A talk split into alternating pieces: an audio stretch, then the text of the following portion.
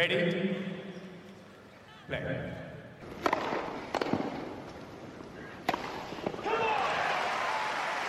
Herkese merhabalar. Raket Servisi hoş geldiniz. Ben Gökalp. Ben Anıl. Hoş geldiniz. Evet. Avustralya Açık Kura özel bölümünde hep beraberiz. Bugün ilk Grand Slam'sinin senenin e, üzerinden geçeceğiz. Kur'an üzerinden geçeceğiz. Anıl başlamadan önce istiyorsan şey yapalım bir. Genel hani bir yorum nasıl hazırlanılıyor diye. Onu bir konuşalım. Benim aklımda iki şey var. Bir tanesi yani zaten sen de bunları söyleyeceksindir. E, çok değişik bir hazırlık oluyor. Yani hiçbir Grand Slam'e böyle hazırlanılmamıştı. Geçen seneki pandemi senesinde yapılan işte pandemi zamanında yapılan Fransa açık ve Amerika açığa da böyle hazırlanılmamıştı. Evet, Çünkü onlar çok daha rahattı. 14 gün otelde kaldıkları olmamıştı oyuncuların. Çok daha rahat bir hazırlık süreci olmuştu. Bir ondan dolayı öngöremiyoruz. En son oynanan turnuvalar e, bu haftakiler dışında birkaç hafta önce oynandı. Orada biriken bütün şeyler gitti.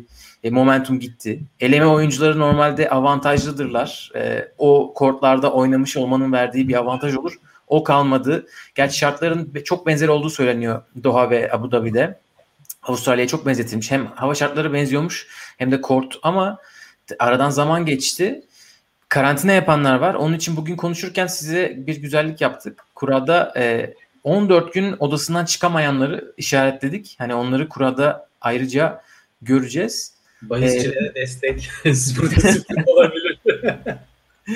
ee, bir son bir kısa yorum da e, bence bu haftaki sonuçları çok fazla yani böyle bir kuralmış gibi dikkate almamak lazım gibi düşünüyorum. Sakatlıkların da üstüne çok fazla düşünmemek lazım ki hiç maç yapmayan Nadal da benim için bu, bu şeye giriyor. Potansiyelde. O, o şeye giriyor yani benim için çok bir sıkıntısı yoktur diye düşünüyorum ben Nadal'ın. Hani e, sonuçta bazı isimler hiç bir zaman Grand Slam'den önceki hafta oynamıyorlar prensip gereği. Ama Onun antrenman yapıyorlar. Şimdi bunun dört gününde öyle bir etkisi var. Hiç antrenman yapamadılar kortta. Evet antrenman hiç yapamayanlar var kortta. E, yapanlar var, değişik yapanlar var. Onları zaten yerine geldiği zaman söyleriz. Senin var mı eklemek istediğin kurayı göstermeden önce? Ee, benim şu var. Öncelerde özellikle erkeklerde Gökhan e, elemelerden iyi bir performansla gelip üst turlara bir iki tur atlamayı başaranların pili bitmek üzere oluyordu. Çünkü e, yoğun bir eleme takviminden gelip üstüne belki 4 setlik 5 setlik bir iki tur geçince artık fiziksel olarak oraya kendilerini çok hazırlamamış oluyorlardı. E, bu sefer o faktör yok ortada. Yani eleme oynayıp formda olan isimler belki biraz daha yukarılara çıkabilirler. Özellikle erkekler tarafındaki 5 setlik maçlar çok e, bünye ve tecrübe yoksa sıkıntı olabiliyor. İkincisi de e, Dominic Thiem dedi. Kortlar çok hızlıymış bu sene e, no, normale göre ve dolayısıyla şey olabilir hakikaten yani biraz daha servisi iyi atanların avantajlı olduğu bir turnuva haline gelebilir. Hani direkt akıllar otomatik olarak birkaç isme gidiyor. Ee, ama sonuç olarak yani seyircili olması bence performans açısından ana motivasyon kaynağı olacaktır. Çünkü e, hazırlık turnuvalarında dahi çok fazla bir seyirci yoktu. Yani evet, özellikle anda, boştu kortlar yani. Avustralya bile full çekmiyordu. Yani Avustralya'nın maçları bile full çekmiyordu. Ee, Avustralya'da normalde Avustralya açık oynanırken sömestr tatili zamanında oynanıyor. Hatta yaz tatili pardon onlar yaz tatilde oluyorlar. Ee, yani herkes e, seve seve maçlara gidiyor. Şu anda okul başladı. Hani tarih değiştiği için öyle bir durum var. Bir de gerçekten insanların Covid'den dolayı her ne kadar tertemiz olsalar da dışarı çıkmaktan çekindikleri söyleniyor. Evet. Ee, bir de tabii bu son vaka yani bir tane otelde bir görevli Covid pozitif çıktı diye şu anda mesela kapalı ortamlarda maske zorunluluğu getirilmiş Melbourne'da. Evet. E, onun için biraz da hani oraya gidip maskeyle mi oturacağız diye düşünüyor da olabilirler. Bakalım seyirci olacak mı? Merakla bekliyoruz. Ama o kort hızı e, unutmuştum onu. O güzel bir yorum. 2017 senesinin hızına benziyor e, diyorlar. Hani onu da bir kafamızda böyle bir referans olarak alabiliriz. İlla çat diye böyle Isner finale çıkacak. Ki Allah'tan oynamıyor. Öyle bir durum yok. evet yani kort hızı bu arada her turnuva çok tartışılan bir şey. Çünkü bir turnuvanın zemini her sene fark edebiliyor. Çünkü özellikle ana kortlar her sene yeniden yapılıyor. Toprak kortta e, da özellikle bu faktör hava ile beraber çok ciddi oluyor. Bu sene de Avustralya o kadar sıcak değil Gökalp. O da hıza bir ekstra bir etkisi olacaktır diye tahmin ediyorum. Evet yani inanılmaz sıcak olduğu bir günler oldu. Sonra yağmur bir rahatlatmış. Bakalım turnuva oynanırken nasıl olacak? Deyip istiyorsan geçelim kuraya yavaştan. Evet artık e, başlayalım. Çünkü Aynen, erkekler kurasından başlıyoruz. Uzun. Kadınlar kurasına geçeceğiz. Kısım kısım gideceğiz. E, 8 kısımda her kısımda bir çeyrek finalist tahminimiz olacak. E, orayı konuşurken sizden de orayla oraya dair e, hem tahminlerinizi hem de yorumlarınızı bekleriz deyip başlıyoruz efendim erkeklerle. Evet. ilk önce tabii bir genel nereye düştü oyuncular ona bakalım. Djokovic ile Zverev e, aynı taraftalar. Onların e, yarısında Team ve Schwartzman var. Aşağı tarafta Rublev, Medvedev aynı taraftalar ve en altta da Nadal'la Tsitsipas. E, aynı kısma düşmüşler. Yani Djokovic Team yarı finalleri, Nadal, Medvedev yarı finalleri bütün seri başları yenerlerse kendilerinden düşük sıralamalı rakipleri.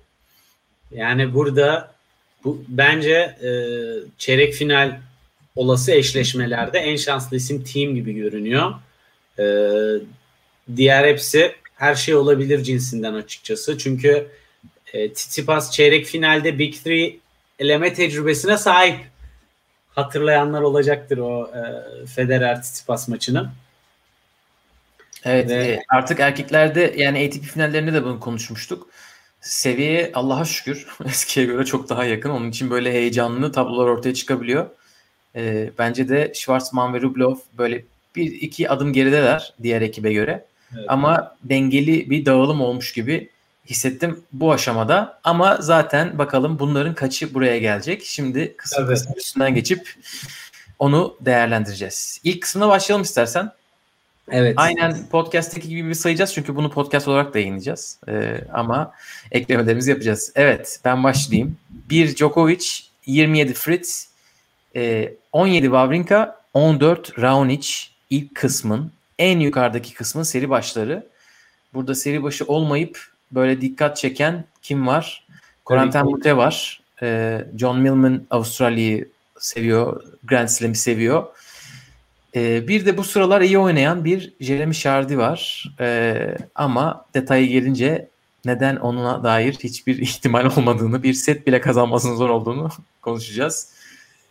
Yani Burada, TFO da var e, geri dönmeye çalışan eski e, potansiyelli günlerine. Yani o da sert zemin seviyor. O da burada biraz sürpriz yapabilir. ikinci turda Djokovic ile karşılaşıyor gerçi ne kadar sürpriz yapabilir orası da ayrı bir konu. Evet yani Avustralya olunca e, Grand Slam ve Djokovic olunca tabloda Djokovic'e kim rahatsızlık verebilir oluyor soru. Buradan kim çıkar değil. Çünkü herhalde buradan kim e, tiebreak'i zorlayabilir? Aynen Djokovic demeyecek olan varsa herhalde onu sormak lazım. Değil mi? Yorumlarda da eğer siz buradan Djokovic'i şu yener diyorsanız merakla bekliyorum. Ama e, burada şöyle bir durum var. Djokovic'in yani Şardi çok güzel başladı seneye. Antalya'da yarı final yaptı. Şu anda devam ediyor. Güzel maçlar kazandı. İşte Fonini, Struff, Çiliç çok iyi isimleri yani daha böyle 2-3 haftada. Ama Djokovic ile Şardi 13 defa oynamışlar. Djokovic 13'ünü kazanmış. Bir set kazanamamış Şardi. Ve yani her yerde. Her herhangi bir zeminde. Çim, toprak, sert. Ee, yani böyle Şardi'nin en kuvvetli olduğu çimde bile Djokovic acımamış. Ee, tiebreak bir tane iki tane falan görmüş. Bir de Big Three'nin en büyük özelliklerinden birisi de bir oyuncuyu bir kere çözdüler mi kolay kolay bir daha asla e, şey yapmıyorlar yani.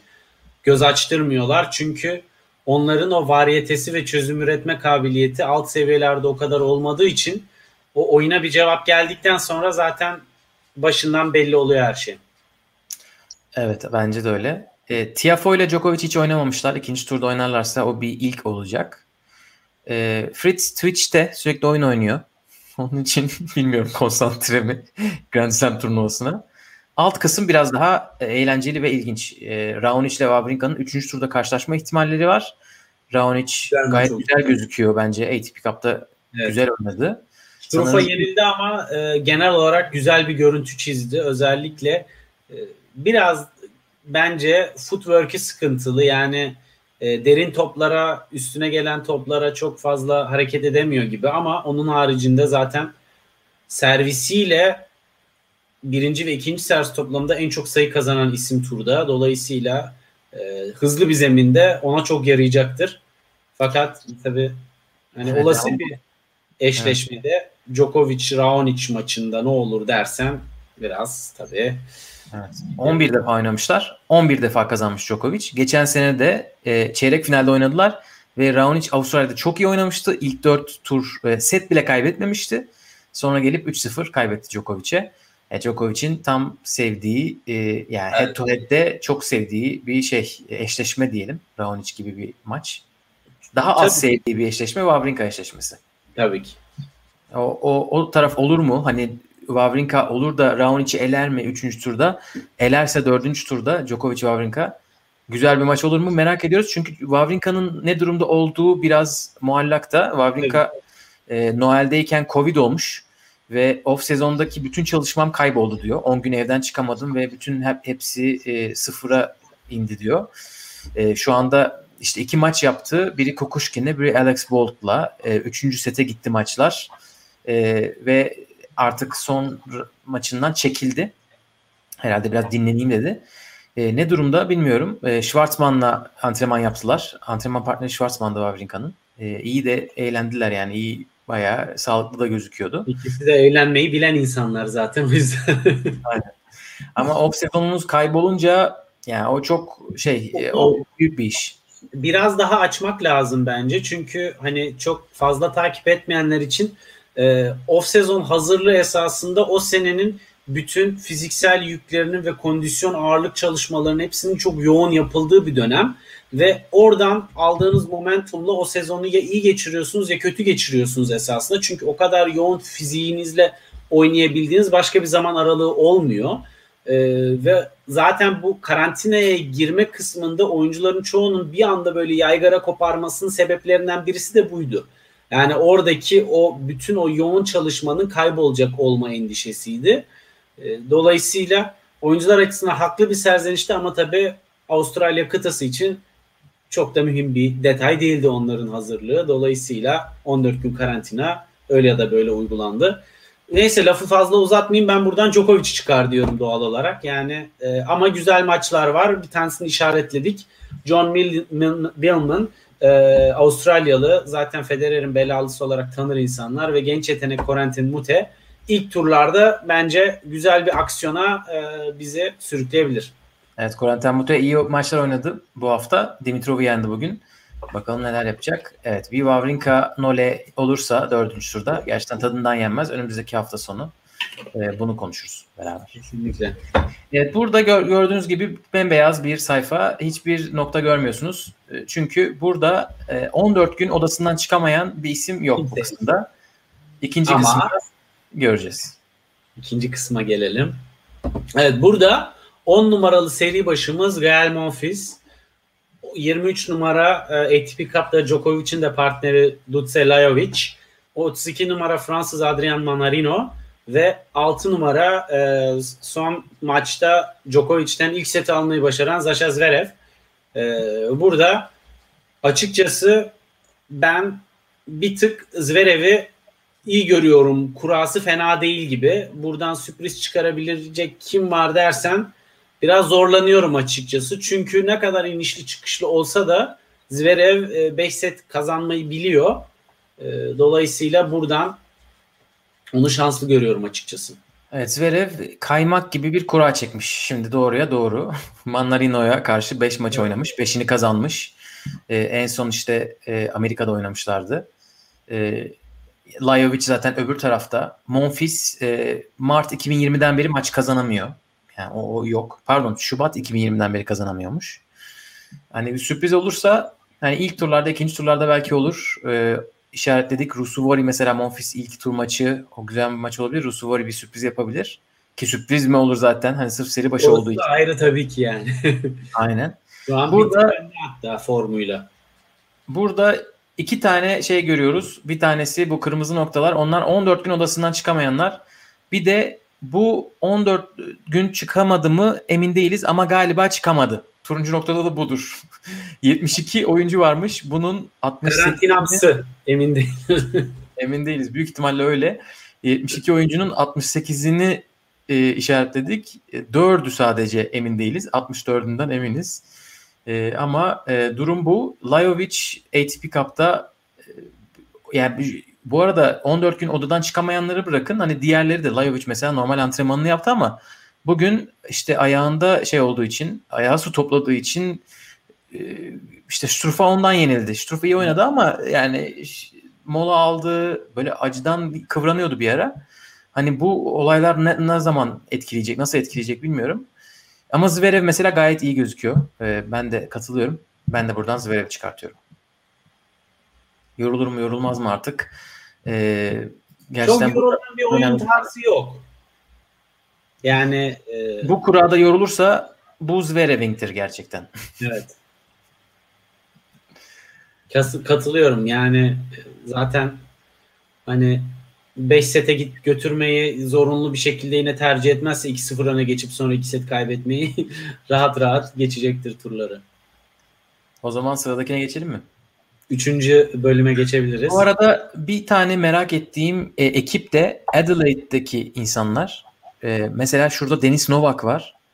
Dominic Thiem'le e, iki hafta boyunca antrenman yaptı. Hem şartları daha iyiydi hem de bu isimler kendilerinden çok daha iyi olan isimlerle 14 gün geçirdiler. Onlar ne yapacak? Onları da bir merak ediyorum. Bugün izledim Denis Novak'ı. E, berbat. Gerçekten çok kötü. yani Nikola Mahir 9 yaşında ve resmen hani bitse de gitsek tadında oynadı. E, yani 39 yaşında karşındaki öyle ya da böyle ve çiftler oynuyor normalde ki Mahü ATP Cup'ta biraz mecburiyetten tekler oynadı. Yoksa çiftler tabii, için oynanan Tabii Monfils çekildi. Ve yani Denis Novak son derece ruhsuzdu. Yani team'in gölgesinde bir tık yukarıya e, çıkamamış olması Tamam. ben team... cevabımı aldım. Sağ ol. Yani evet biraz doluyum o konuda. Yani bu kadar imkanları tepenler. Bir Deniz Novak iki timin kardeşi. Bu kadar imkan içerisinde yüzünden. Oo, bir de Sisipas'ın kardeşi ve e, Yunanistan'da tenis oynayan üçüncü insan Pavlora Larakis. Kimse artık o. Onlar da fırsatları tepiyorlar. ama biraz elinden geldiğince bir şeyler yapmaya çalıştı. Yani bir azim var. Yetenek sıkıntılı ama çaba evet, var. Evet. Evet Karen Yobusta'dan 3 oyun aldı. Evet 3. kısma geçelim. Burada Çok üç numara... önce bak Berettini'nin kardeşine efendi gibi oynuyor turnuvaların. Yarı finale çıkmış şimdi sanırım Türkiye'de. 15, 15K'da. Neyse. Olsun. Moritz Team orada da yani neyse. Evet. Üçüncü kısımda 3 numara team var. 29 Hugo Amber, 18 e, Dimitrov, 15 Pablo Carreño. Evet burası güzel. Burada güzel maçlar var. Ateş ediyor ya. Alev alev. var e, Nikirgios e, kendisi birkaç senedir oynamıyormuş gibi e, sıralaması yok. Seri başı değil.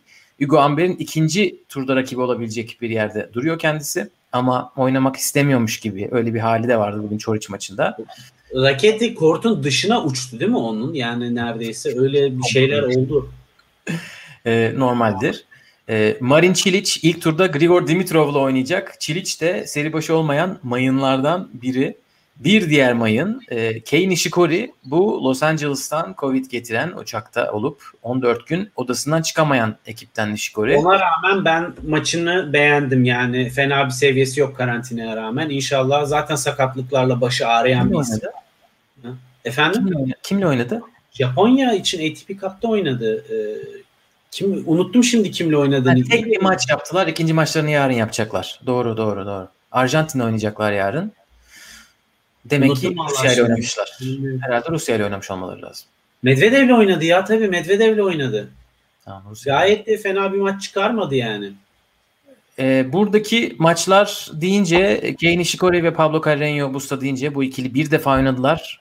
O maçı hatırlıyorsanız bu anı da hatırlayacaksınızdır. Bunlar, bunlar Avustralya'da olmuştu. Pablo Carreño gibi efendi bir adama böyle şeyler yaptıran bir maçtı kendisi. Ya, hakikaten yani vur ensesine al lokmayı tadında bir adam yani Carreño bu stada bu kadar efendi ve sakin. herhalde onun intikamını da almak için korta çıkacaktır diye düşünüyorum. 5 setlik bir maçta 5. sette 7-6 kaybetmişti Nishikori'ye. Sonra da çıldırmıştı. Evet buradan e, bir kez team nasıl? E, herhalde burada asıl soru o. Buradan kim çıkar yerine? 3 numara team çünkü burada. Hani team e, Berrettini'ye böyle 6-2 6-4'lük bir skor galiba öyle hatırlıyorum. Öyle rezil bir e, skorla yenildi. Ama bana bu biraz Cincinnati'deki kaybettiği maç gibi geldi. Orada da böyle 6-1 6-2 bir maç kaybetmişti. Sonra gidip Amerika'yı kazandı. Onun için onu tam anlayamadım, anlam veremedim. Bugün iyiydi. Bugün Benoit Per'le oynadı. E, o da var evet. o, da, o bir ısınmadır. o maç değildir.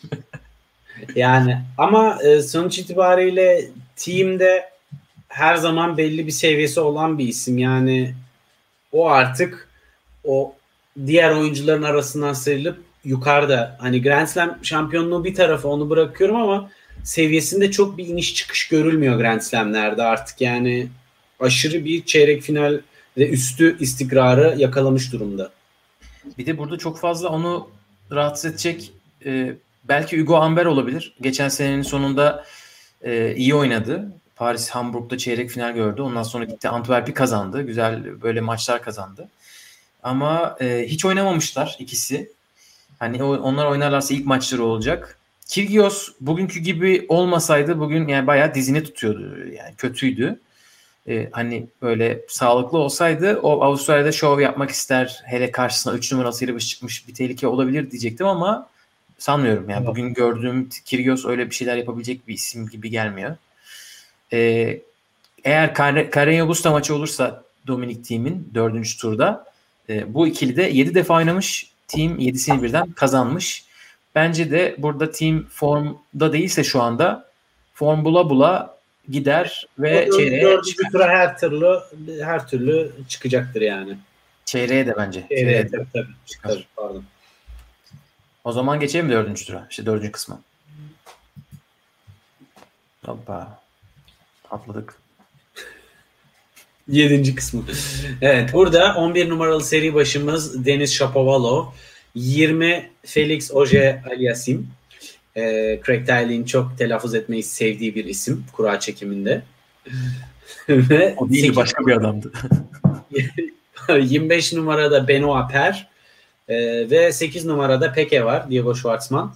Ve tabii ki en yani ilk turun belki de en iyi maçı olma potansiyeline sahip bir Deniz Shapovalov, Yannick Sinner birinci tur eşleşmesi ki burada bence favori zaten seri başı değil seri başı olmayan Yannick Sinner kesinlikle Oğuz'a katılıyorum.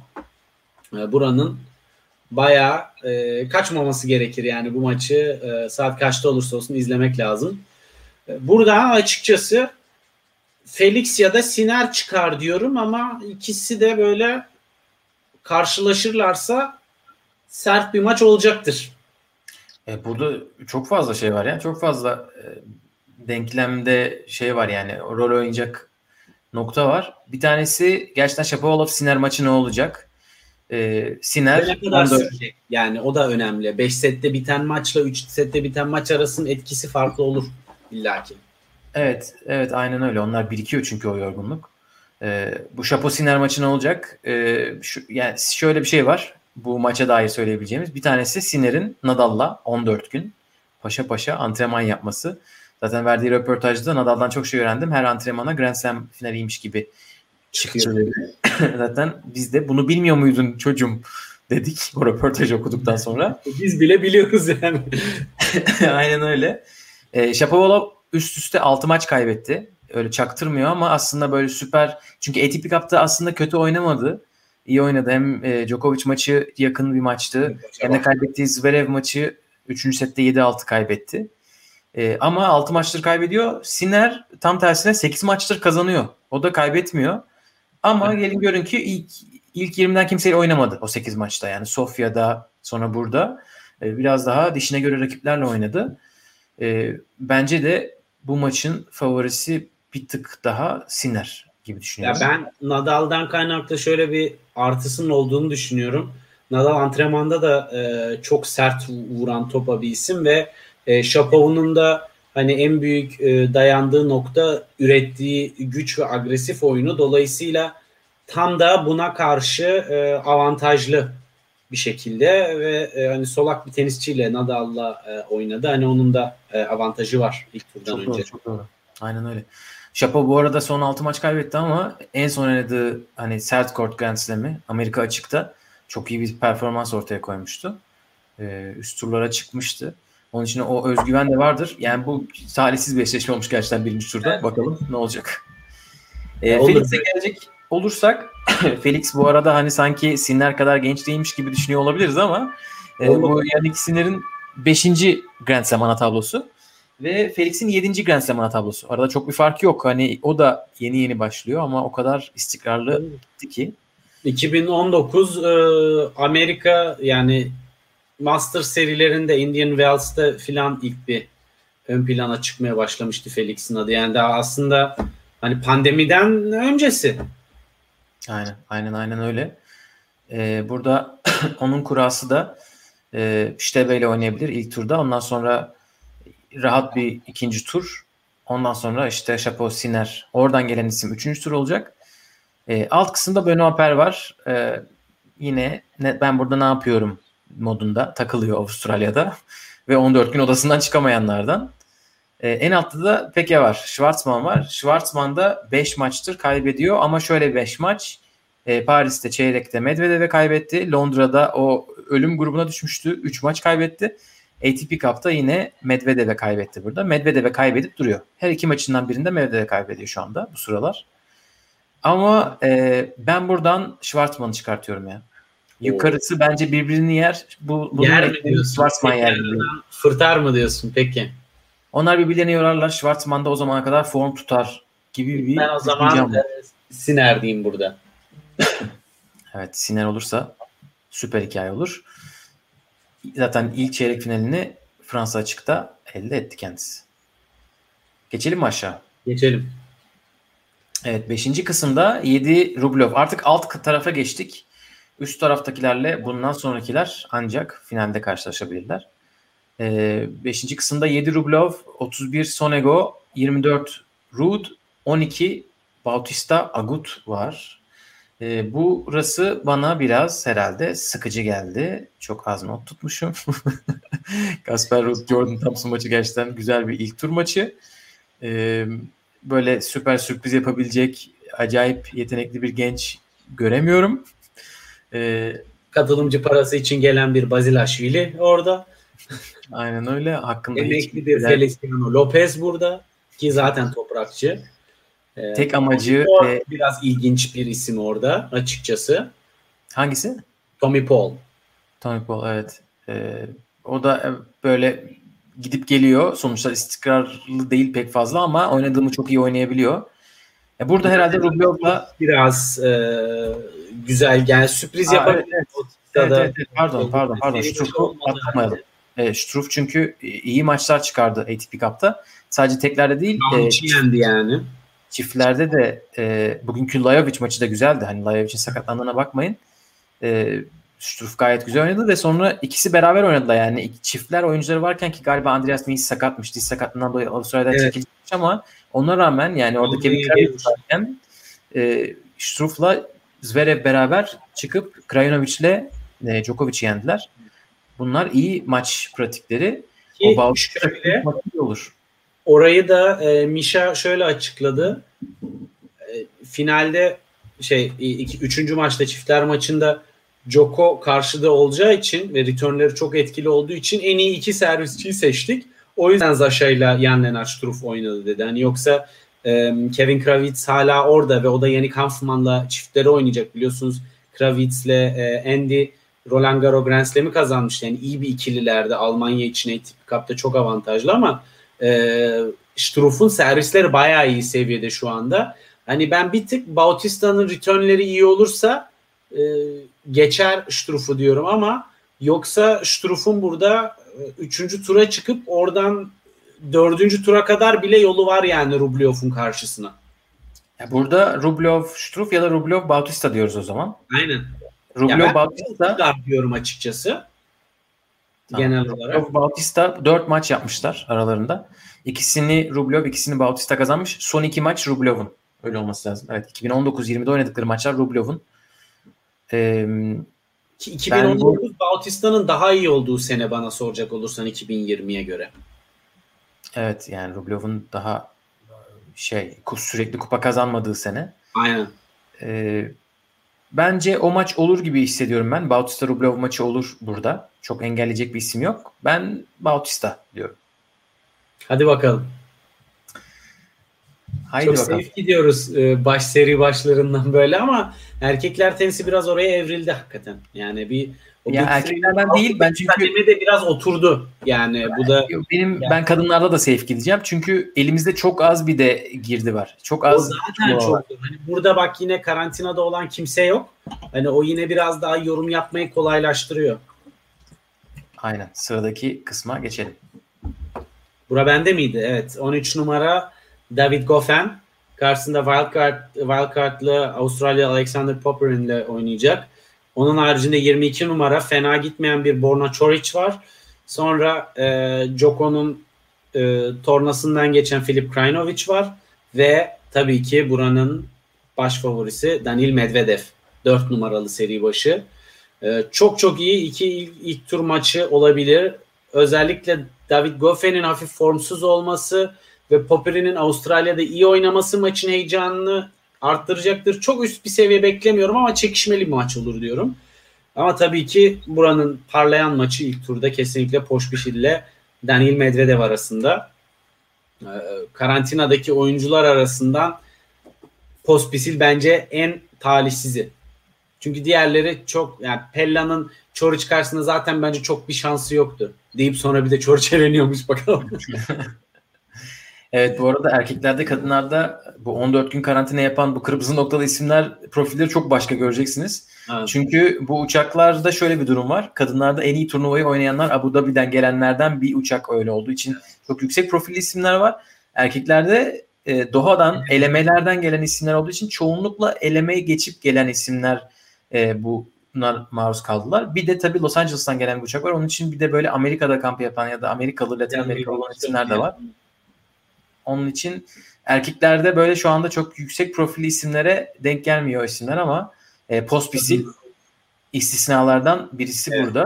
Pospisil e, eğer o şeye takılmasaydı 14 gün karantina olayına takılmasaydı bence Medvedev'i biraz sorun çıkartabilirdi. Ama Medvedev süper oynuyor bence ATP Cup'ta. Geçen seneki ATP Cup performansından daha iyi.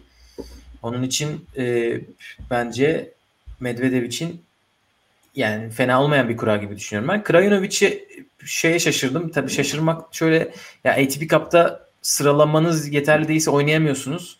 Çok yani Lajovic'in çekilmesi gerekiyordu. Krajunovic'in tekrar maçı oynaması için. Onun için Krajunovic'in tekrar maçı oynadığını izlemedik ama kendisi Djokovic ile 14 gün Adelaide'de kamp yaptı. O da o isimlerden. Ee, Krajinovic ile Medvedev bir maç yapmışlar. Eğer 3. turda karşılaşırlarsa o tek maçı Krajinovic kazanmış. Ee, Çoric ile Medvedev karşılaşırsa öyle bir şey olursa çünkü ben kafamda Goffen'i bitirmişim. Carlos Alcaraz maçından sonra. Kendi bitirtti yani. Bu Avustralya'da şu ana kadar çok dişe dokunan bir şey göstermedi. Yani Kendisi genç isimlere rezil bir şekilde yenilmekle artık nam salıyor. Fransa'da Sinner'e ezilip geçirmişti. Burada Carlos Alcaraz'a 6-3 6-3 kaybetti. Evet bir de o var yani domine e, edilerek yeniliyor. Hani 3 set falan alıyor. Bam bam bam gidiyor. Aynen Popiri'nin tam böyle e, şov yapmak isteyeceği maç ama gerçi belki Goffin de bir dakika ben kendime geleyim deyip biraz daha iyi oynayabilir ama e, Çoric gelirse eğer Medvedev'in karşısına 6 maç yapmışlar. 4'ünü Çoric kazanmış. Ama bunlar Medvedev'in o 2019'daki büyük çıkışı öncesi kazanılan maçlar. Onun için e, ona çok aldanmamak lazım. Buradan herhalde Medvedev'i rahat rahat çıkartmak gerekiyor gibi geliyor bana. Kesinlikle. Yani tabii ki her zaman tenis sürprizi açık bir şey. Bir gününüz bir gününüze tutmaz ama şu an kağıt üstünde uzak ara. Medvedev yani fersah fersah o seviyenin üstünde kesinlikle. O zaman bu kısma gelelim. 5 numara Geldi. Evet 5 numara Tsitsipas, 26 Hurkaç, 19 Hachanov, 9 Berrettini. Burası gayet güzel. Ee, burada bir de seri başı olmayan elemelerden gelen 14 gün odada kalıp sonra gidip çat diye Goffen'i yenen bir Carlos Alcaraz var. Sempatik ee, İspanyol. Aynen Carlos Alcaraz'ın ilk turdaki rakibi yine kendisi gibi olan e, 14 gün odadan çıkmayan bir Hollandalı e, Van de Zandschul. Bu arkadaş da 3 maç birden kazandı bu hafta. Hani Alcaraz bir maç kazandı sonra kaybetti Thiago Monteiro'ya. Ki normal yani kaybetmesi. Bu arkadaş çıkıp 3 maç birden kazandı. Ne yapmak istiyorsunuz beyefendi? Yani Evet, zaman... Zandvoort bugün de e, kazandı maçını yanlış hatırlamıyorsam. Fena gitmiyor. Karen Haşanov'la oynuyordu en son ama bütün bunları bir kenara bırakmak gerekirse e, bir Hurkaç var burada tabii. Hurkaç Delray Beach'te şampiyon oldu. E, bu Avustralya'ya gelmeden önce düzenlenen iki turnuvadan birisiydi. Ama şampiyon olurken ilk yüzden hiç kimseyle oynamadı. Ee, Onu hani, diyecektim. Delray Beach ATP 250 olup aynı bu Antalya gibi biraz e, aralardan karambole sıyrılmalık bir e, turnuva gibiydi ama finalde Korda ile oynadı. Yani o da e, tabii ilk yüzde değildi o zaman Korda. Şimdi ilk yüze girdi. E, fakat hani iyi bir rakip yani Korda'yı yenmek özellikle Amerika'da e, iyi bir şey. İyi bir başarı. Evet yani burada buranın ağır toplarına gelmeden önce bir tık daha böyle Carlos Alcaraz konuşmak gerekirse e, şu anda çok büyük tabii ilgi var Carlos Alcaraz'ın e, adı etrafında. Çünkü David Goffen'i yendi 14 numarayı ve 14 numara kadar yüksek bir sıralamada birisini yenen 17 yaşında biri ilk defa oluyor. 2004 yılından beri bunu en son Richard Gasquet yapmış. 14 numara Nicolas Massu'yu yenerek 2004 yılında yani 17 senedir olmayan bir şeyden bahsediyoruz. E, ve oyunundan bahsederken milletin ağzından salyalar akıyor. Yani her şeyi yapabiliyor. Yani evet, Forehand'i evet. çok iyi, backhand'i transition game fileye geliş oyunu, e, volesi, chip and charge yapıyor. E, yani böyle çok fazla toprakta oynamış. Yani böyle sert kort şeyi yok, tecrübesi çok fazla. Ama bu toprakçı olduğu için değil, tamamen hani e, büyüdüğü coğrafyadan dolayı. Aynen. E, herkes onun için bir Carlos Alcaraz neler yapacak merak ediyor. Şimdi bütün İspanya yeni Nadal geliyor diye konuşuyor Alcaraz hakkında ama bana soracak olursan e, Nadal'ın 17 yaşındaki oyununa göre Alcaraz'ın 17 yaşındaki oyunu çok daha varyeteli bu arada. Yani e, ama değişik stiller zaten. Tabii tabii zaten stil farklı da e, Nadal'ın 17 yaşındaki maçlarını kazanma şekliyle Carlos Alcaraz'ın bugün maçlarını kazanma şekli bir, bir tık farklı. E, çok daha varyeteli. O açıdan gayet heyecan uyandıran bir isim. Zaten Juan Carlos Ferrero ile çalışıyor. O da İspanya'nın 3 tane e, bir numara olmayı başarmış isminden ilki. Pardon, ikincisi. Birincisi zaten Carlos Moya'ydı. Sonra Juan Carlos Ferrero. Sonra da Nadal. Yani dünya bir numarası olan zaten 3 tane isim çıkmış İspanya'dan bugüne kadar. Ve dördü de üçü bir de dörtlü olarak Alcaraz geldi aralarına. Beraber çalışıyor hepsi. O yüzden oradan iyice e, tecrübede kazanacaktır. Evet, Alcaraz'ı yeterince konuştuysak hakkını verdiysek burada asıl Tsitsipas'la Berrettini konuşalım. Onlar ne yapacaklar? İkisi de çok güzel oynuyorlar bu hafta. Ee, ikisi de ikişer maç kazandılar. Tsitsipas e, Roberto Bautista'yı yendi. Bir de kimi yendi? Alex de Minaur'u yendi. E, Berrettini de Monfils ve Team'i yendi. Şimdi Berrettini'nin ya ben Monfils maçını tabii çok dikkate almıyorum ama e, genel olarak konuşmak gerekirse özellikle Antalya'daki oyununa falan da bakınca e, servis oyununun haricinde de normal e, rally oyununu ben bu sene çok gelişmiş gördüm. Yani o sezonda ne yapmış bilmiyorum ama e, geçen seneye göre özellikle rally oyununda geliştirmiş kendini ama servislerinin sertliği de artmış gibi sanki. Dolayısıyla iyice etkinliği yani ciddi bir tehdit artık e, herkese bir iyi gününde sürpriz yapmaya potansiyeli kesinlikle var. Ben bence de yani o yenildiği, kaybettiği Altmaier maçı ile alakası yoktu bu hafta. Kesinlikle. Ee, yani backend'i tabii ki güçsüz tarafı ama orayı bayağı iyi kapatıyor gibi gördüm ben. Bakalım ne yapacak? Eğer Tsitsipas oynarsa çok inside out yapma imkanı da yok. Yani o kadar ayakları hızlı da hareket edemiyor uzun Ha, bence onu biraz daha iyi yapıyor gibi geldi. Evet. Ama daha gitmesi gereken yol var büyük ihtimalle. Yani Raonic kadar yapmıyor mesela hala sanki. Tabii. Ya, o ee, backend'le esasında kurtun %80'ini 75'ini Forentin'le kapatabiliyor olman lazım üst seviyeyi tehdit edebilmek için. Oraya daha tam gelmedi ama oraya doğru gidiyor. Evet bakalım bu Tsitsipas Berrettini maçı olacak mı? Olursa dördüncü turda karşılaşacaklar. e, Berrettini diyen arkadaşlarımız var İrem gibi. Tsitsipas diyenler ve Tsitsipas'a başarılar dileyenler var. Sen buradan hangisini çıkartıyorsun ya da başka birisini mi çıkartıyorsun? Ben e, safe gidiyorum ama safe'lik safe olmak için değil tamamen beğendiğim için şu anda oyununu Stefanos Tsitsipas diyorum.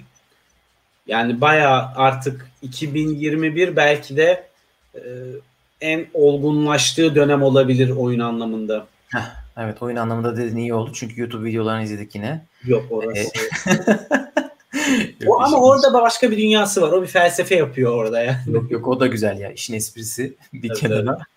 E, Tsitsipas bir de geçen sene 2019'un o efsane performansını takip edememişti. Hani bence onu da unutmak isteyecektir. Biraz onun baskısı da kalktı üstünden. Evet. Bir de burada halaylar çekiliyor. Avustralya burası. Yunanlar coşuyorlar. Onun için ben de Sisipas diyorum. Bu arada iki defa oynamışlar Berrettini ile. Bu arada Tennessee Kokinakis'i hani Federer'i bir yendi bundan 25 sene önce. O günden beri sakatlıklardan başını kaldıramadı. Evet. Bu sefer hala çekilmedi. Ben son ana kadar çekilecek diye bekliyorum açıkçası. Ama e, yani o da Avustralyalıların esasında çok şey beklediği ve talihsiz bir isim. Çok sakatlanıyor. Vücudu bilmiyorum neden öyle ama. Tabii 25 yaşına geldi artık. Ee, hani o şey geçti. O ilk Tabii. baştaki genç şeyi geçti. E, Titipas'la şey, bu arada... Haşanov'u da e, çok kısa bir konuşalım istiyorsan Haşanov'u da. Ona geçmeden önce Titipas'la Berrettini iki maç yapmışlar. Bir tanesi eleme maçı ama ikisini de çok yakın geçmiş iki maçta. İkisini de Tsitsipas kazanmış. Birisi de Avustralya'da olmak üzere 2019 yılında ilk turda. Şu anda oynarlarsa Tsitsipas alır diyorum ben yani. Zaten oradan yola çıkarak Tsitsipas e, çıkar dedim. Haşanov e, hala bence e, orta seviye oyuncuları yenebilen bir güçte ama e, üst seviye maçlarda şu anda iyi görmüyorum form durumunu. Yani o dedikasyonu yok. Parladığı Paris Masters kazandığı zamandaki dedikasyonu kesinlikle yok tenis adına bence. Evet. Bence de bir sorun var ama dedikasyondan mı ben bilmiyorum. Haçanov'u çok takip edemedim. Bakalım ne durumda. Deyip 8. kısma. Evet. Evet. E, haşere çocuk Fabio Fonini. Sonra tabii ki saçlarıyla gitgide Leighton Hewitt'e benzeyen Alex de Minaur ve e, Danny Evans fena bir ATP Cup geçirmiyor ve tabii ki birçok insanın favorisi Rafael Nadal bu sekmede ve buradan zaten hani çıkacaksa bir isim Nadal çıkacaktır kesinlikle. Ee, güzel bir bölüm. Burada özellikle Alex de Minaur Tennis Sangren maçı ilk turda güzel bir heyecan olur. Ee, Danny Evans Cameron Norrie maçı da fena geçmez. Çünkü birbirini tanıyan isimlerin maçları genelde çekişmeli geçiyor. Çok rahat okuyorlar birbirlerinin oyununu çünkü. Ralliler uzayabiliyor. O açıdan keyifli olacaktır. Bir de Pierre Erme, e, Herber ve e, Fonini maçı da fena olmayabilir. Ee, ama buradan hani çok da lafı uzatmadan ben direkt Nadal'ı çıkarıyorum doğal olarak. Fakat evet, buradaki, burada zaten kim çıkacak yerine Nadal'la hiç kimse herhangi bir şekilde zarar verebilir mi böyle maç uzatabilir mi diye sormak ben lazım. Ben açıkçası. Evet çünkü bir de bence Alex Nadal çok oyun Nadal'a çok ters. Hani Alex oradan biraz çıksın, bir şeyler yapsın, seyirci gazı falan ama yani Alex o oyunuyla Nadal'a karşı bir şey yapamaz.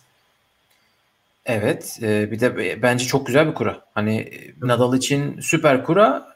Yani Nadal içinden de bağımsız. E, bence performans olarak süper isimler yok burada. Hani böyle çok zorlayacak. Zaten hani Nadal, Djokovic, Thiem ve Medvedev gibi Tsitsipas'ı zorlamaları çok zor bu aşamada. ilk ilk hafta özellikle.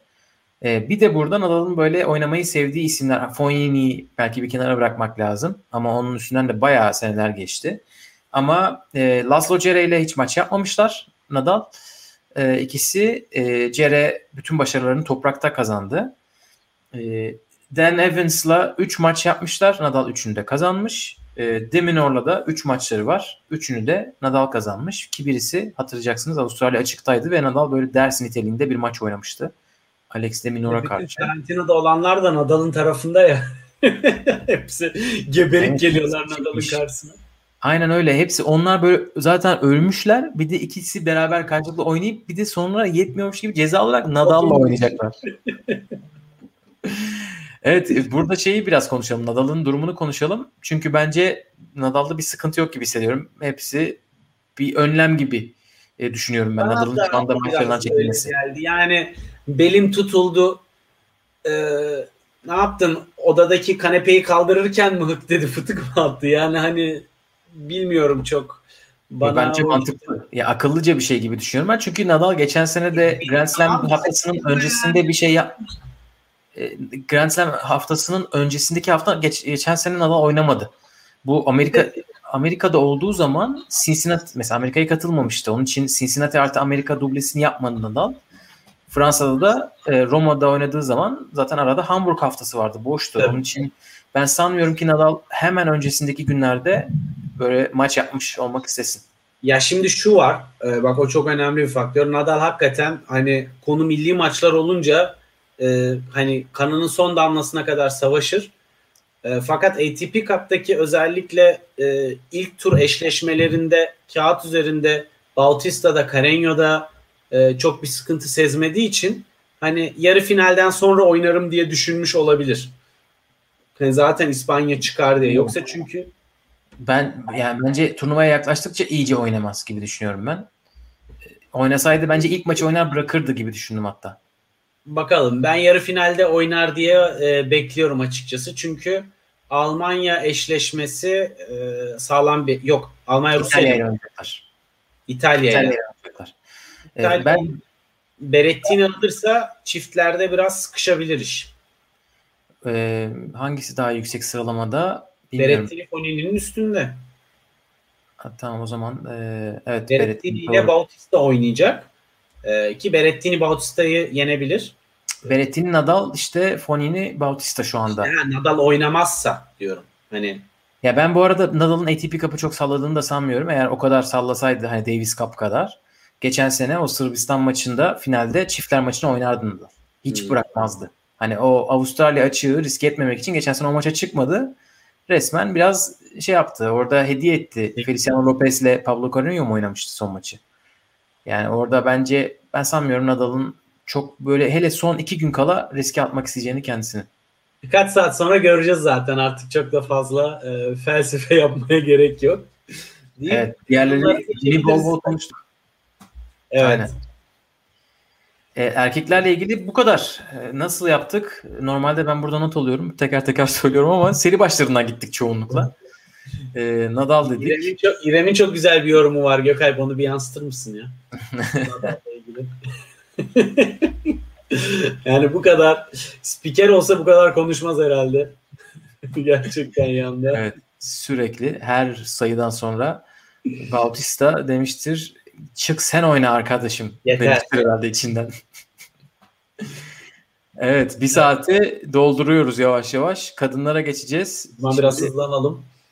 Zaten kadınlarda otomatikman hızlanacağız. Erkeklerde malzeme boldu. Kadınlar biraz daha Kadınlarda malzeme yok. Hepsi odadaydı yani. Gerçekten zor. Evet. Is- büyük isimler çok fazla odadan çıkamayan oldu ama Eş şöyle seri başları Barty Pliskova en yukarıdalar. Onların yarısında Kenin ve Svitolina var. Burası erkekler kadar dengeli dağılmamış göreceksiniz. Aşağı taraf fokur fokur kaynıyor. Andreescu ile Osaka bir kısımdalar. En altta da Sabalenka ve Halep var ve oralarda gözükmeyen Sabalenka'nın kısmında bir Serena var gerçekten e, alt taraf çok fena kadınlarda. Ama tabii Andrescu'nun ne yapacağını kestirmek çok çok güç Gökalp yani. E, evet o zaman hemen başlayalım. Evet. Kısımlardan başlayalım. Sana bırakıyorum ilki. bir numaralı seri başımız Ash Party. 29 numarada e, Alexandrova var burada. 21 Anet Kontaveit ve 16 numara daha çok topraktaki oyunuyla bilinen Petra Martic var. Burada e, ilgi çeken isimlerden biri de Shelby Rogers tabii ki. E, Martina Trevisan da tabii ki yine e, ilgi çekici. E, fakat burada bence e, tabii Olga Danilovic çok pardon Olga Danilovic atladım. O da Nole ile beraber bu sene e, akademisinde çalıştı ve ondan sonra oyunu gerçekten çok fark etti dedi. Çok teşekkür etti Djokovic'e. E, fakat Ash Barty tabii ki bir senedir falan oynamıyor e, turda pandemi döneminde kendini izole etti. Fakat şöyle bir şey var. Eş Parti e, hazırlanırken kendi bubble'ını oluşturdu ve erkek tenisçiler dahil devamlı antrenman yaptığı belli isimler vardı. Bunların arasında Caroline Wozniacki'nin eski hitting partneri de var. Yani e, kendine öyle safe ve sağlıklı ama tenisi üst seviyede devam ettirdiği bir alan oluşturdu ki hani zaten Avustralya'da olduğu için karantinaya falan girmek gibi bir durum zaten yoktu. E, pandemi döneminde çok maç yapmayan Simona Halep'le maç yaptı ve orada esasında bayağı formda bir görüntü gösterdi. E, ama tabii ne olacağı belli olmaz. Fakat kağıt üstünde ben buradan e, seyircinin de desteğiyle eğer seyirci olursa ve ne kadar olur bilmiyorum tabii ki ama Ash Party yine de çıkar diyorum. Bence de öyle. Yine fena olmayan bir kura gibi düşünüyorum ben. Kesinlikle. Buradan ee, Burada 3. tur kurası biraz zorlayıcı. Yani 29 numara gelmiş. Sanki böyle kötü bir numaraymış gibi ama Aleksandrova çok tehlikeli bir isim. Ki bu hafta inanılmaz oynamış yani Şviyontek karşısında. Şviyontek'i ezip geçti. Evet. Hani Simona Halep sakatlandığı için oynayamadı e, ve ondan dolayı Aleksandrova çok rahat geçti gibi düşünüyor olabilirsiniz ama Şviyontek maçında Aleksandrova bayağı e, hedef antrenmanı yapıyor gibiydi yani. Zaten Şviyontek'in servisleri çok kötüydü o maç. Hepsini ama winner'a çevirdi. E, o ne yapacak? Geçen sene de böyle bu arada çok iyi başlamıştı. 10 maçlık bir seriyle gelmişti Aleksandrova Avustralya'ya. Üçüncü tura kadar gitti. Kvitova'ya kaybetmişti böyle. Orada bitmişti pili. Onun için bence aynısı olacakmış gibi hissediyorum ben. Bu Bakalım. sefer pili Barty'ye bitecek. Bence de buradan Barty çıkar. İkinci... Evet ikinci kısım. İkinci kısımda yukarıda e, odasından çıkamayanlar toplaşmışlar. 11 Benčić, 18 Mertens, 25 Mukova, 6 Pliskova. Burada Mertens'in ilk tur rakibi Leyla Fernandez. Mukova'nın ilk tur rakibi Ostapenko. Bu, bu maçları işaretledik. Bu maçlar güzel olabilir diye. Yani, ee, bir de Kuznetsova gibi, Stritsova gibi isimler de yukarıda. Evet. 14 gündür Burası herhalde seçmesi en zor. Biraz böyle çekiliş, evet. piyango diyebileceğimiz bir yer. Evet. Mertens güçlü bir isim. Ama sen kimi dersin? Saygın da zaten e, Pliskova 3. turu geçemez diyerekten buradaki seri başlarına net bir yorum e, getirmiş. Ben Ostapenko'dan da çok ümitli değilim. E, yani buradan hadi buradan bir gönlümden bir sürpriz çıkarmak e, geçiyor ve ben Leyla Fernandez'in buradan çıkmasını istiyorum. Çünkü ben de çok öyle aman aman bir şeyi daha e, anlayamadım açıkçası ne yaptı ne etti diye. Nasıl form durumu. Biraz yorumlaması zor bir bölüm hakikaten özellikle de karantinalarla beraber ama benim biraz daha duygusal yorumum Leyla buradan çıksın burada da bu da onun hikayesi olsun gibisinden. Her turnuva her Grand Slam bir kadının hikayesi oluyor kadın oyuncunun genç. Bence de burada e, seri başı olmayan bir ismin çıkma ihtimali çok yüksek. E, burada ismi okumayı unutmuşum. Daniel Collins var orada. Bayağı tehlikeli bir isim. Ben buradan Daniel Collins'i çıkartıyorum. Avustralya'yı seviyor. Burada yarı finali var iki sene önce. E, bu hafta da iyi maçlar oynadı. Serena'ya çok yakın bir maç kaybetti. İkinci seti de aldı hatta. E, Serena'nın çok kötü oynamadığı hatta gayet iyi de servis attığı bir maçtı. O maç ikinci sette. Onun için bence o öyle bir sürpriz yapacak. E, Mertens de bu arada ne yapacak merak ediyorum. Çünkü bu hafta iyi oynayan isimlerden. Ama dediğimiz gibi yani bu hafta iyi oynamak ne demek? E, önümüzdeki haftaya zararı bile olabilir. Onun için bakalım ne olacaklar. Bu arada bir gönlümde Osaka Ken'in finali izlemek var yorumu da gelmiş. Onu da kaçırmayalım. Bakalım Ken'in hakkında neler diyeceğiz. Osaka hakkında neler diyeceğiz. evet. Üçüncü bölümde 4 numaralı seri başı Sonya Kenin var. 28 ee, numara Donna Vekic, 22 e, numara Jennifer Brady ve 13 numara Johanna Konta. Jennifer Brady'nin e, tabi karantinaya girmiş olması büyük talihsizlik bence. Çünkü e, burada güzel işler bekliyorum ondan ama orada tabii bir de Sevastova da var. O da biraz e, heyecan yaratabilir. E, ama Kenini kestirmek açıkçası bana biraz zor geliyor. Çünkü hani bir anda böyle şalteri de kapatabiliyor. Normal şartlarda buradan çıkması gerekir. Ee, ama gönlümden geçen Jennifer Brady'nin buradan çıkması açıkçası. Burada bir de Kaya Yuvan var. Ha, ee, evet. Gayet bu hafta çok iyi oynadı. Acayip formda evet kesinlikle. Yani şöyle çok şey yapmadan söylemek lazım tabii. Şiviyontek'e kaybetti günün sonunda. Ama maçı, o maçı kazanabilirdi. Ee, ve ilk turda böyle seri başı yenme alışkanlığı olabilir Kaya Yuvan'ın. Roland Garros'ta Angelique Kerber'i elediği zaman hiçbirimiz şaşırmamıştık. Kerber'den Konta da çok formda da değil. Yani öyle de bir gerçek var açıkçası. Konta geçen sene e, yani 2019 Roland Garros'daki e, Konta değil. Yani onun için Kaya Yuva'nın ilk turu geçmesi çok çok çok büyük bir olmaz. sürpriz olmaz. Kesinlikle. Ee, onun için hani oradan o gelir. E, Brady'nin işi biraz rahatlar. Ben de Brady demek istiyorum ama yani 14 gün karantinada kalmış bir insanı çeyreğe çıkartmak e, çok duygusal bir tahmin olacak.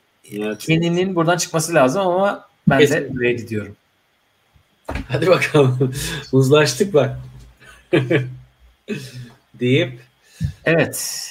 e, 12 Azarenka, 20 Sakkari, 26 Putintseva, 5 Svitolina. Bu kısım o kadar adil ki aklınız hayaliniz durur. 4 seri başının 3'ü 14 gün odasından çıkamayanlar. Hepsi bir araya toplaşmışlar. Adeta o Grampians Cup gibi, trofi gibi. E, en azından demişler birbirimizle oynayalım. Svitolina dışında. Svitolina da zaten biliyorsunuz. Grand Slam denince çok, çok böyle büyük işler yapması beklenmeyen bir isim. Ee, ilk turda Buzkova ile oynayacak. Zor bir maç. Buzkova Barty'ye karşı. Çok iyi oynadı bu hafta. Ee, Kokogov e, Daha Jill- yeni oynadılar Jill Teichmann'la e, şey Kokogov. Yine oynuyorlar şimdi. aynen öyle olur ya zaten böyle bir geldi mi çat çat tekrar gelir. Ee, Mladenovic, Stevens gibi isimler var ama onlar çok fazla bir etki yaratamayacaklar gibi Yani gözüküyor. zaten double için geliyor. Puanı yettiği için teklerde de oynuyor gibi bir durum var. Parasını alıyor, keyfine bakıyor. E, burada Azarenka ne yapacak? Onu Ben de merak ediyorum. bekliyorum. Özellikle- Putintseva'yı maç puanları çevirerek yendi. Ee, iyi de böyle ben WTA'nin bu arada o işini çok beğendim. Yani bütün o hard quarantine'dekileri hepsini bir araya toplayıp onları kendi aralarında turnuva yaptırması çok iyi oldu. En azından böyle büyük seviye şeyi olmadı. Hazırlık turnuvası için. Yalnız bak öyle ya da böyle bu turnuvalarda bir puan toplanıyor ve e, bu puanlar seri başlığı sıralamasına orta vadede etki ediyor. Yani e, o yüzden bu turnuvalarda puan verilmesi bana çok aklıma yatmadı açıkçası da neyse o şimdi başka bir tartışmanın konusu. Yani bence o, evet. Onu pazar günü konuşuruz. Ee, o olmazsa olmaz gibi geliyor bana. Buradan kimi çıkartıyoruz ya? Buradan çıkartmak Çok biraz zor ya. olacak. Ben Evet, ben buradan- karantina vesilesiyle e, Kokogov çıksın diyorum buradan. Coco Çeyrek. Golf mu? Bu iddialı bir e, şey oldu. Ya bu duygusal tahmin şimdi yani ama Vika ya normal şartlarda kesinlikle bence buradan Vika çıkmalı. E, Svitolina plase olur. Ama Vika'da hani belli bir yaşın üstünde karantinadan sonraki e, geri dönüş biraz daha zor gibime geliyor. Yani fiziksel olarak vücudun oraya tekrar adapte olması bana biraz daha zor geliyor açıkçası. Yoksa hani fiziksel olarak bir sıkıntısı yoksa kesinlikle buradan Vika çıkmalı. Bence Vika'yı hiç rahatsız etmez. Vika Etmez dediğin mi? genç isim. İyi hadi Vika'yı çıkaralım o zaman. Vika'yı genç demezsek biz genç olmayız. Vika bizden O da küçük doğru. diyorum. e, ben de buradan Svitolina'yı çıkaracak şey yok bende. Öyle bir yürek yok. E, Ben Grand Slam'de Svitolina'ya oynayıp üzülmem yani. Hani öyle bir daha İşte- ilk turda Evet. Buzkova'ya gümleyebilir. direkt. Ben de duygusal bir şekilde 14 günün odadan çıkmamasına rağmen Sakkari diyorum. Neden olmasın? Biliyorsun Sakkari benim hep patlama beklediğim isim ama ne zaman övsem e, şey yapıyor. Nazar değiyor. O yüzden ben Sakkari'ye hiç bulaşmıyorum yani. Ki atletik olarak şu anda en üst seviyesinde. Yani gerçekten form durumu, servis gücü, forehand gücü baya yani şu an baya sağlam hız üretiyor ve döve döve oynuyor. E, o açıdan Sakkari'nin durumu şu an gayet iyi. Ama ben Sakkari'yi prensip gereği övmeme kararı aldım. Dolayısıyla oraya hiç girmiyorum. Bu övmemiş halim. Evet, saygın Yunan bayrağını gördü mü komşuya başarılar yorumunu yapıştırıyor. Yine gelmiş. Dostane ilişkilerin adamı saygın. Azarenka çıksın. Azarenka çıkar İşte. bence. Aynen. Ee, bu konuda Azarenka şeyi var. Uzlaşması Tabii. var yorumlarda. Evet, Koko da çıksa gerçekten Koko biraz sanki geriledi gibi geliyor bana ama bakalım neler olacak. Bir de burada Clara Burel var ama Fransa açıktan beri e, çok böyle o seviyede izleyemedik. Bakalım ne yapacak o da. Deyip artık alt tarafa geçelim. E, Evet. Üst Doğan taraftakiler. Stevens'i kimse adam yerine koymadı bu arada bak. Biz değil yorumlarda da kimse hani şey yapmadı. Sloane Stevens çünkü Leyla Fernandez'e kaybedip duruyor. Her her hafta kaybediyor. Mütemadiyen. evet. Burada 8 numaralı seri başımız uzun süredir kortlara dönmeye çalışan ve Nusret'in son müşterisi Bianca Andreescu. 30 numaralı Wang, 19 numaralı Marketa Vondrushova ve 9 numaralı Petra Kvitova var burada. Ee, zor bir bölüm gibi görünüyor ama bence öyle ya da böyle Kvitova çıkar buradan diyorum ben. E, Bianca Andreescu e, ne yapacak gerçekten çok merak ediyoruz. Kendisi en son profesyonel maçını hangi gün oynadığını tahmin eden varsa lütfen yorumlara yazsın. E, bu 65 mi? Bir dakika böyle süre verelim. Hani bu bu bir tarih söylerseniz bize spesifik olarak. O zamana kadar diğer isimlerden belki konuşabiliriz. E, Wang Chiang burada Serena'yı yenmişti geçen sene. Çok büyük sürpriz yapmıştı 30 numarada. Ben Vondroshova ile Kvitova'nın nasıl birbirlerine karşı oynadıklarını merak ettim e, Vondroshova Kvitova'yı iki defa yenmiş. iki defa oynamışlar. Ama ikisi de e, Çekya'da yapılan hani lig maçları, kendi e, gösteri maçlarıymış. Yani Körler sarlar birbirlerine ağırlar dediğimiz cinsten. O WTA bize turnuva yapmıyor. Biz zaten her tarafımız profesyonel tenisçi. O zaman biz lig yaparız maçları. E, orada oynamışlar. Vondroshova set bile kaybetmemiş. Onun için merak ediyorum nasıl olacak orası. Ee, Andrescu da bu arada gerçekten 2019 Kasım'dan beri WTA finallerinden beri ki orada da zaten böyle bir çekilmiş, sakatlanmıştı falan. O zamanlardan beri oynamıyor. 2019 Covid olmasına daha hiç yarasa yenmemiş. Hiçbir ya, şey Avustralya'da yangın çıkmamış. Ondan da önce. Yani o zamandan beri oynamayan bir isimden bahsediyoruz. Andrescu ne yapacak bilmiyorum. Ee, gerçekten herkes merak ediyor. Kendisi de bu arada e, bütün bu Abu Dhabi uçağını e, şey yapan isimlerden birisi. Çünkü Andrescu'ya bu arada bayağı tepki vardı. Bize çok büyük hani şey yapıldı. Kendinize dikkat edin bu kız sürekli sokakta sightseeing yapıyor Abu Dhabi'de. Ki Andrescu'nun koçu çıktı zaten Covid. O uçağı o biraz şey yaptı. Ee, bakalım ne yapacak? Bence o çok ileri gidemeyecek gibi düşünüyorum. Bana öyle geliyor. Ben buradan hadi çok söyledim. Vondroushova'yı çıkartayım. Hadi bakalım. Yani Çekya diyoruz. Turnuva oynamaya devam ediyor. Yarı finale kadar çıktı. Ee, onun için belki biraz da yorgunluk olacak. Önceki hafta yorgunluğu. Bakalım. Evet. Burası da çok fena. 6. kısımda 14 Muguruza. Bura en sert kısım burası yani. Hani Burası çok fena gerçekten. 14 Muguruza, 23 Kerber, 27 Jabeur, 3 Osaka. Osaka ilk turda Pavlyuchenkova ile oynayacak. Burada Schmidlova gibi tehlikeli isimler var. Karolin Garcia var. Bir e, tehdit yani. Andrea Petkovic oynayacak Jabeur'ün ilk tur rakibi olarak. Yani gerçekten çok tehlikeli isimler var. Ee, herhalde burada şey sorusunu sormak lazım. Muguruza Osaka dördüncü tur maçı olacak mı? Bunu engelleyebilecek isimler var mı? Olursa kim alır? Yani şöyle söyleyeyim. Kerber fiziksel olarak iyi olduğu bir dönemde yine. Ee, özellikle Alman medyası da hani hiç olmadığı kadar çok umutlular Kerber'den bir şey yapması adına. Ee, hani kurası da Garbine kadar fena bir kura değil. Hani e, Muguruza ile karşılaşabilirler ve o maçta Muguruza ile bence güzel kapışırlar gibime geliyor. E, fakat hangisi çıkarsa çıksın Tabii ki aşağıda bir de Ons Jabeur var e, denklemin içerisinde. Fakat öyle ya da böyle buradan Osaka çıkmalıdır diye düşünüyorum ben. Osaka Ama çok güzel maçlar izleyeceğiz. Hani her şeyde olabilir. Onu da net söylemek lazım. Evet bu arada e, daha demin sorduğumuz tarih sorusuna 1 Kasım mıydı neydi? En yakın cevap bakıyorum hemen 30 Eylül 2000 pardon 30 Ekim 2019 oynamış Andrescu son maçını. O zamandan beri maç yok. Günah olmaz. Aynen öyle. E, bence burada Muguruza Osaka dördüncü tur maçı oynanacak. E, ve Muguruza ile Osaka oynamamışlar. Şu ana kadar hiç. Onun için o gerçekten nasıl bir maç olacak acaba? Çok çok iyi olması lazım. Muguruza bu hafta. Çıktığı dönem Muguruza'nın düştüğü dönemdi çünkü. Biraz onun da etkisi var. Ya aslında geçen tam tersi de oldu. Muguruza çünkü burada finale çıktı. Osaka Goff'a evet. yenilmişti. Ee, bu hafta izlediniz mi bilmiyorum. Mükemmel oynuyor. Sırf onun gazına geldim ben ve Muguruza'nın Osaka'yı yeneceğini düşünüyorum burada. Haydi hayırlısı.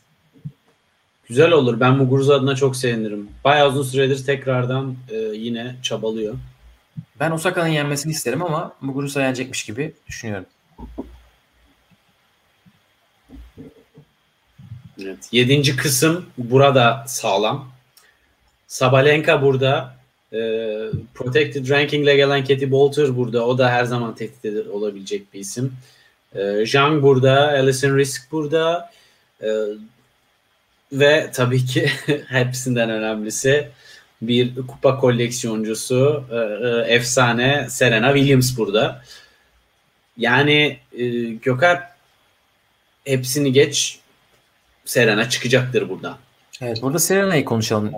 Serena Sabalenka dördüncü tur maçını herhalde olmaması için neler olabilir? E, gerçi Sabalenka bu hafta oynadığı maçı kaybetti ama ondan önce bir 15 maç falan kazanmıştı. Sabalenka hayatı boyunca olduğu gibi yine yapmaması gereken yerlerde çok iyi momentum yapıyor. Ondan sonra Grand Slam'de kaybolmuş oluyor o momentum.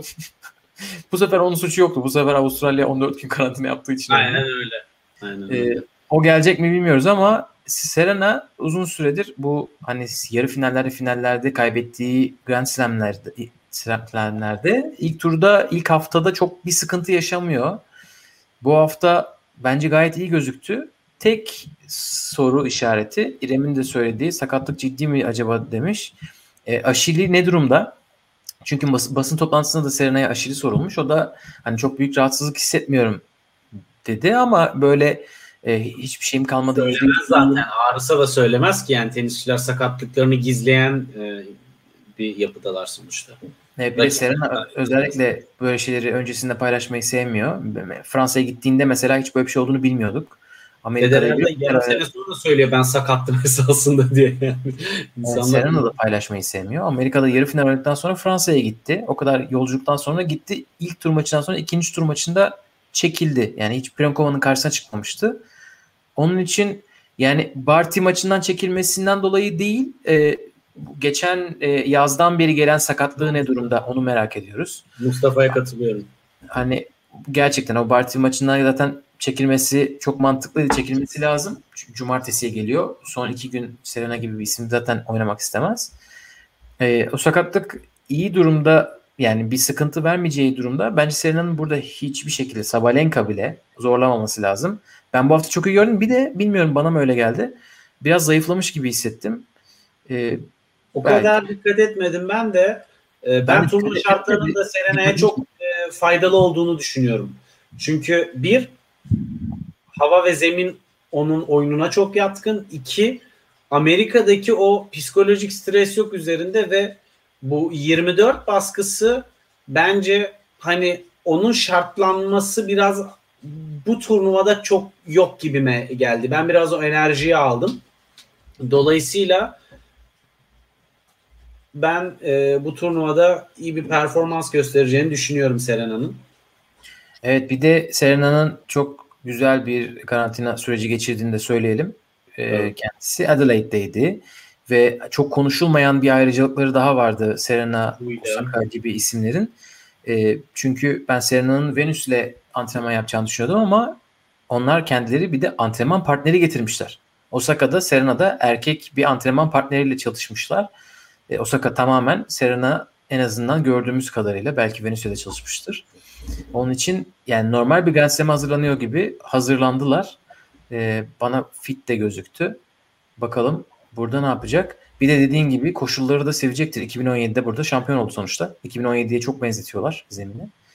Bakalım, Bakalım. ne olacak. Geldik son bölüme. Evet son bölüm ama en önemli bölümlerden. 15 Viontek, 15 Viontek, 17 Rybakina, 32 Kudermetova, 2 Halep. Burası gerçekten e, Şvontek ile Halep yine birbirlerini bulmaya devam ediyorlar Grand Slam'lerde. Dördüncü turda oynayacak şekilde karşılık, karşılıklarına çıkmaya devam ediyorlar. E, burada da çok fazla isim var. E, ka, böyle sert karantina yapan. İşte Sinyakova var. E, Rybakina seri başlarından birisi. Marta Kostyuk. Marta Kostyuk ilk başarı hikayesini Avustralya'da yazmıştı. E, onu devam ettirmek isteyecektir ama o da o karantina ekibinden. E, onların dışında da işte Camila Giorgi, Fiona Ferra gibi isimler var ama burada herhalde Şiviyontek ve Halep'e odaklanmak lazım. Kesinlikle. E, tabii Halep'in son form durumu biraz soru işareti. Şiviyontek de bilmiyorum iyi esasında ama tabii o da son maçını çok iyi oynamadı. E, dolayısıyla kesinlikle yani öyle bir gerçek var. Çünkü şöyle de bir şey var. Burada hani diğer isimlerin galibiyetleri tam manasıyla sürpriz e, yani galibiyetleri sürpriz sayılacak isimler. Öyle aa yakında diyebileceğin çok fazla isim yok. Hani tabii ki eski kurtlardan Veraz Vonareva var ama e, onun da şu andaki form durumu tabii ki belli. Evet, ben Şiviyontek'i çok böyle ilham saçan bir şekilde oynuyormuş gibi görmedim bu hafta. Ben de çok alır e, geçer diyemiyorum yani o yüzden. Halep'e de diyemiyorum ama da. de görmüyorum. Arada yani tehdit de görmüyorum. Öyle de bir şey var. Camila Giorgi mi çıksın? Bir de çıkıyormuş. Rubakina geçen seneden beri yazık esamesi okunmuyor. Süper gidiyordu. Sonra pandemi oldu. Ama yani Şivontek böyle Kaya Yuvan maçını da süper oynayarak kazanmadı. Yuvan'ın biraz şey düşmüştü. E, performansı düşmüştü. Halep'in ne oldu bugün? Halep'e ne olduğunu bilmiyorum. Yani Aleksandrova'ya nasıl öyle kaybetti? Hiçbir fikrim yok. Ama ben Barty maçını izledim. Gösteri maçını. Ee, bu haftaki diğer maçına biraz baktım. Çok kötü gözükmüyordu. Hatta gayet iyi hazırlanmış gibiydi. O da Adelaide'deki ekipten bu arada tabii ki. Bence buradan Halep'in çıkması lazım. Bu sefer Şivontek'i yenecektir gibi hissediyorum ama bir de dediğin gibi Halep'i de zorlayacak bir isim de yok. İlk e, iki turda zaten yok. Üçüncü turda da Kudermetova ne, ne yapabilir Halep'e karşı ya da Kostyuk. Kostyuk belki çıkarsa ol, olurdu ama gerçekten burada Kostyuk o ekstra karantina olayı olmasaydı biraz daha konuşurduk ama e, Halep buradan çıkar diyorum. Bu arada Şiviyontek geçen sene burada dördüncü turda çok yakın bir maç kaybetti Kontaveit. Avustralya'yı da biliyor ve de seviyor. Yine de Halep. Yani yorumlardan ilham almaya çalışıyorum ama işte Ece Ribakina demiş. Saygın Marta'yı biraz e, ön plana çıkarmış. Onun haricinde Ceyda da Halep demiş. Ee, Saygın komşu Karadeniz komşusu olarak herhalde. Aynen. Aynı denizin insanlarıyız biz. Elif de evet. Halep bu sefer alır demiş. Aynen. Elif de bu sefer Halep Iga'yı yener diyor. Evet göreceğiz bakalım neler olacak. Deyip burada yavaş yavaş kapatıyoruz. Gelebiliriz. Artık maçlar evet. başlıyor. Herkes saygının sponsorluğunda e, çayını kahvesini hazırlarsa tavşan kanı. Evet. Uykusuz geceler ve e, yarı mahmur dinlenen e, iş toplantıları kamera kapalı bizi bekliyor. Evet programımızı bir tekrar hatırlatmak gerekirse e, yarından sonra pazar günü bu haftanın turnuvalarını konuştuğumuz kısa bir bölüm kaydedeceğiz. Ondan sonra e, önümüzdeki hafta e, yine böyle özellikle iyi bir maç olursa YouTube'da bir canlı yayın yapalım diyoruz ama onun dışında biliyorsunuz quiz sözü vermiştik. Quizimiz geliyor. Hem Avustralya'nın ilk hafta sonunda hem de final hafta sonunda iki tane quizimiz olacak. Ee, Ve büyük bunlar ödüllü. Artık artık o ödülü verelim, rahatlayalım istiyoruz. o ödül. Federer şapkası bir sahibine gitsin. Bakalım Nadal severlerden biri mi kazanacak, Djokovic severlerden biri mi kazanacak? O da olabilir tabii ki. Bakalım hangi açık artırma sitelerine düşecek. evet, e, şimdilik bu kadar diyelim. Bunun dışında söylemek istediğimiz bir şey var mıydı? Unuttum. Ee, şöyle, tabii ki hani maçlar sırasında baktık alev alıyor. Ee, Clubhouse'da hemen böyle bir beraber bir sohbet tadında maçları beraber izleme ortamı da yapmayı düşünüyoruz. Hani Clubhouse'da üye iseniz biz de takip edin ki oradan hemen birbirimizi yakalayalım ve muhabbetle maçları izlemek e, daha keyifli olur. Ben bazen böyle maçları izlerken Twitter üzerinden çok yazıyoruz. Yani Twitter'da yazarken maçı kaçırıyorsun. Hani o kadar çok Twitter'a gömülüyorsun ki. Clubhouse'da bir yere bakmak zorunda olmadığımız için çok daha keyifli olur diye tahmin ediyorum. Ona da böyle kulak arkası bilgisi olarak e, çıtlatalım. Evet ne yazık ki sadece iPhone şu anda ama il, evet. inşallah yakın zamanda çıkartırlar da. Yakın zamanda Elif'i de e, inşallah aramıza alabileceğiz. Elif de Android mağdurlarından. Clubhouse mağduru da olabilir. Yani Android tabii Clubhouse dolayı, Android dolaylı Clubhouse mağduru. Aynen Tamam, öyle. Çok teşekkür ederiz biz dinlediğiniz için. Herkese iyi hafta sonları. Kendinize iyi bakın. Bir sonraki bölümde görüşmek üzere. Hoşçakalın.